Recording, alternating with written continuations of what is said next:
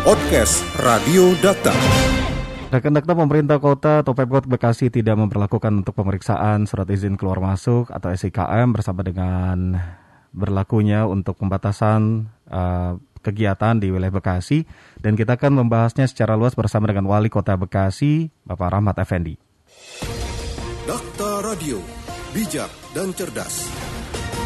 Assalamualaikum Pak Wali. Waalaikumsalam warahmatullahi wabarakatuh. Iya, sehat Pak Wali di hari pertama ini Pak. Ah, dengan siapa nih? Sehat Pak Wali. Dengan Aldi Pak. Dengan Aldi Pak. Iya, iya, makasih ini. Baik.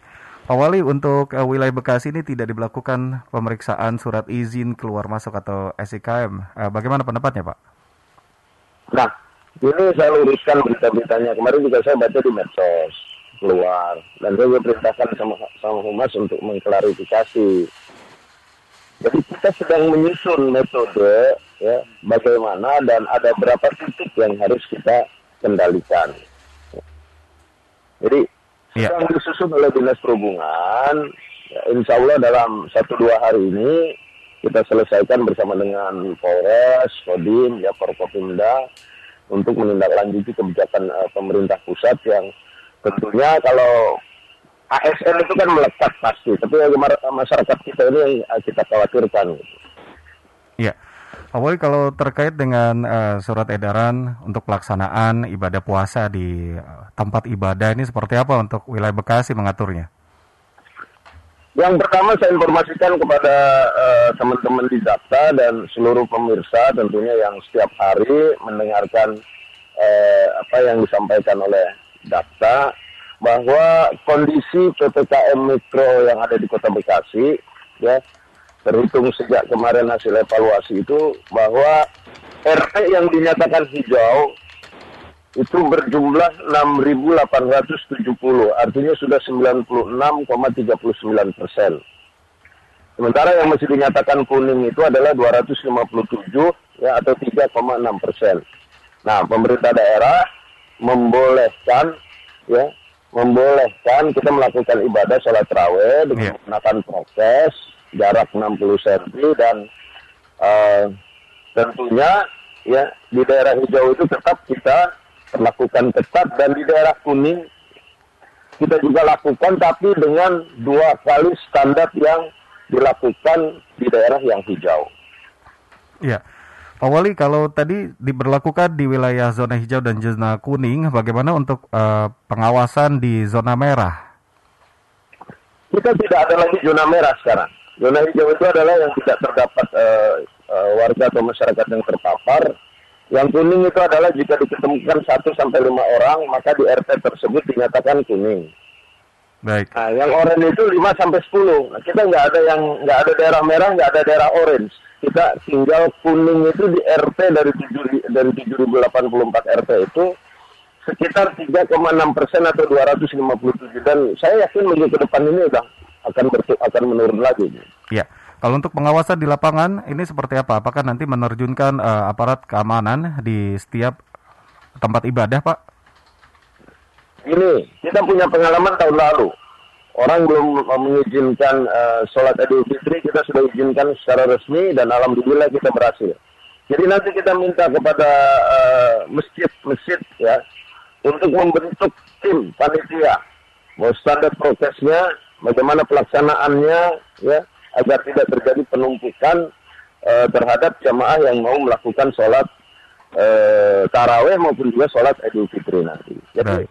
pengalaman tahun lalu pada saat pandemi eh, sedang tinggi-tingginya kita sudah bisa melakukan itu. Ya. Pak Wali, kalau terkait dengan uh, proses dan juga pelaksanaan vaksinasi di wilayah Bekasi, adakah yang masih harus uh, di uh, menjadi perhatian, Pak, untuk wilayah Bekasi, Pak? Jujur memang eh, persoalan pemberian vaksin ini demand di masyarakat itu sangat luar biasa. Tapi kan keterbatasan dengan eh, ketersediaan vaksin yang ada. Oleh karena itu kita terus berupaya ya untuk eh, meminta kepada Kementerian Kesehatan untuk memberikan porsi lebih terhadap Kota Bekasi. Karena kita sampai saat ini baru menerima belum sampai 10 persen dari jumlah warga kita yang ada.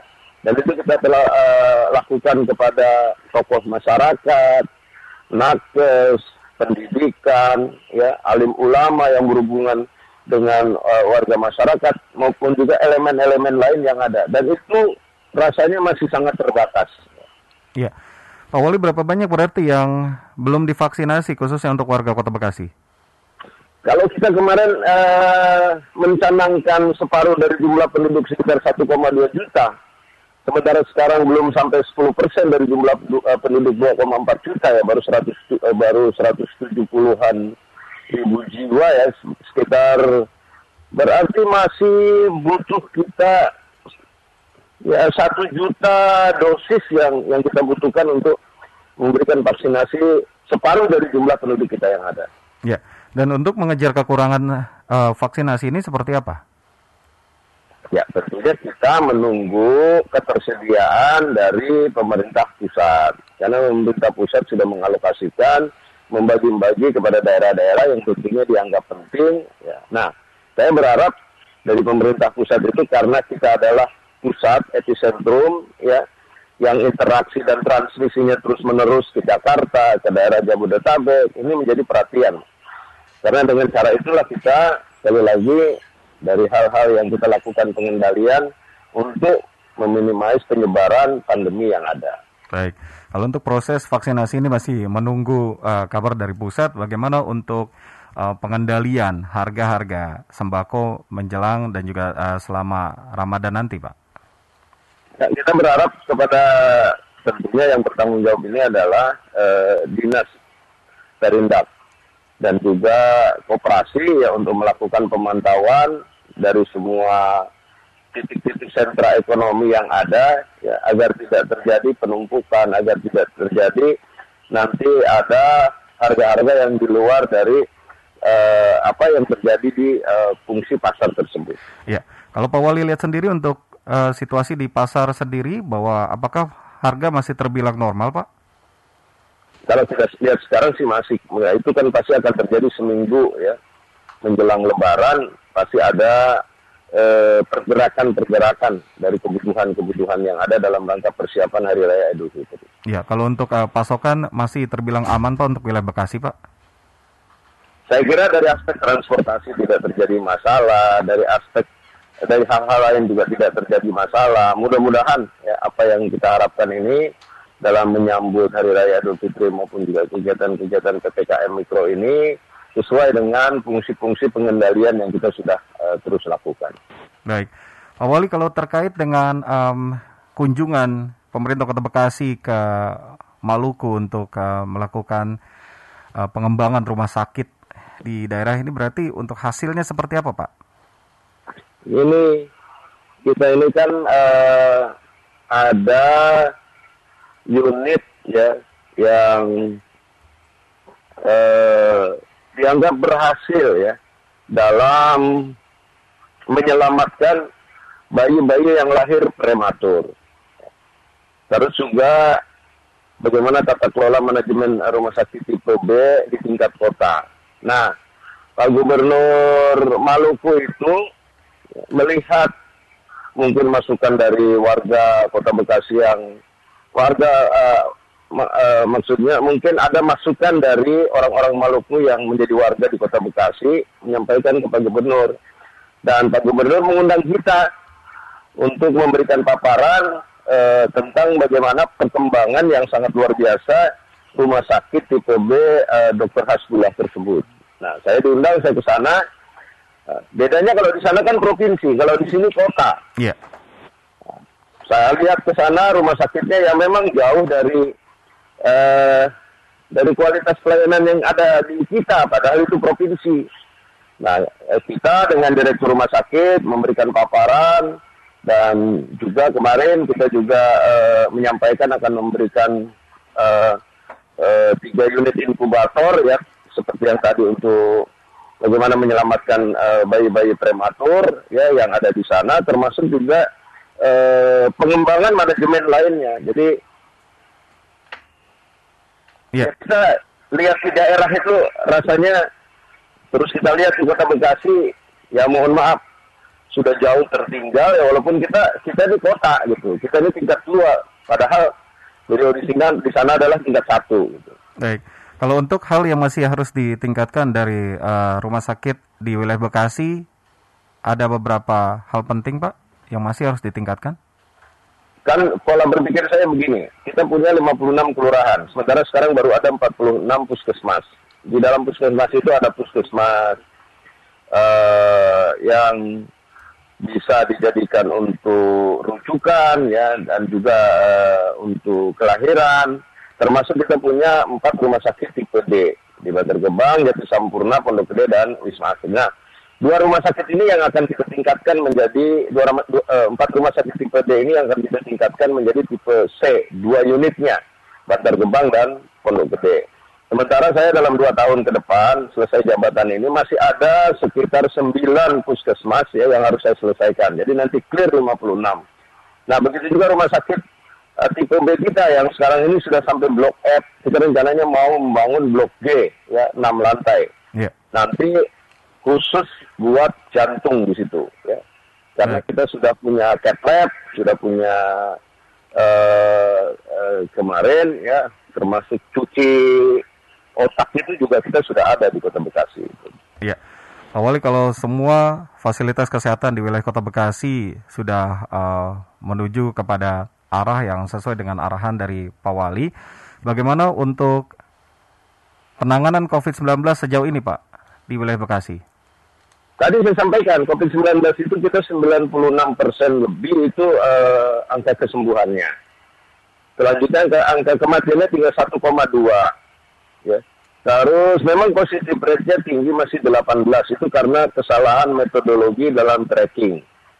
Artinya bor ya ketersediaan uh, bed uh, okupasi rate yang ada di rumah sakit itu di bawah 50% sudah jauh yang diharapkan oleh uh, WHO 70%.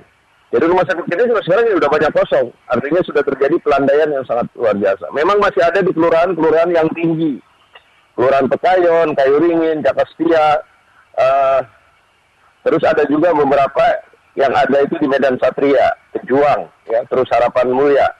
Yang lain itu sudah terjadi pelandaian, sudah sudah flat lah, ya. Yang yeah. tadi uh, bornya juga sudah di bawah 50% dan mudah-mudahan akhir bulan April ini dari yang saya sampaikan tadi bahwa ada 96 persen RT yang sudah hijau, ada 3,3 persen RT yang masih kuning itu ya jumlah 251 ini turun turun turun turun sampai nanti dinyatakan uh, Kota Bekasi bebas dari uh, penyebaran pandemi yang ada. Baik. Pak Wali boleh disampaikan untuk himbauan bagi warga Kota Bekasi dalam menjalani ibadah di bulan Ramadan ini terkait dengan uh, aturan-aturan uh, yang ada dan juga surat edaran yang telah dikeluarkan oleh Pemkot Bekasi, Pak. Silakan Pak Wali. Ya, yang pertama tentunya ya, dalam kegiatan Ramadan, dalam kegiatan ibadah, tempuh prokes, ya menggunakan masker, mencuci tangan, ya terus juga ada panitia yang terus untuk melakukan upaya-upaya terhadap pencegahan berkerumunnya ya di tempat atau di sarana-sarana yang memang sekarang ini sudah kita perbolehkan secara resmi. Yang kedua bagi warga masyarakat Kota Bekasi tentunya yang berpikir dan menginginkan untuk mudik ya, saya kira tolong untuk dipikirkan kembali karena pemerintah pusat sudah melarang itu yang secara langsung pemerintah kota pun juga akan memperlakukan yang sama dan akan ya melakukan langkah-langkah terhadap ya nanti ada hal-hal yang uh, warga masyarakat mungkin menggunakan alur-alur atau jalur-jalur yang uh, tidak resmi, pemerintah Kota Bekasi akan melakukan preventif itu terhadap 32 titik yang ada di Kota Bekasi. Baik. Pak Wali, terima kasih untuk perbincangannya bersama dengan Radio Dakta di pagi hari ini. Semoga ke depannya memang uh, untuk protokol kesehatan ini bisa diterapkan secara baik bagi warga Bekasi yang menjalankan ibadah Ramadan dan juga ibadah puasa ya Pak. Sama-sama Aldi, terima kasih. Baik. Hormat. Terima kasih Pak Wali. Tetap sehat. Wassalamualaikum warahmatullahi wabarakatuh. Waalaikumsalam warahmatullahi wabarakatuh. Podcast Radio Data. Anda cukup masuk ke mesin pencari Google atau lainnya dan tinggal mengetik podcast Radio Data. Podcast Radio Data, aktual dan informatif.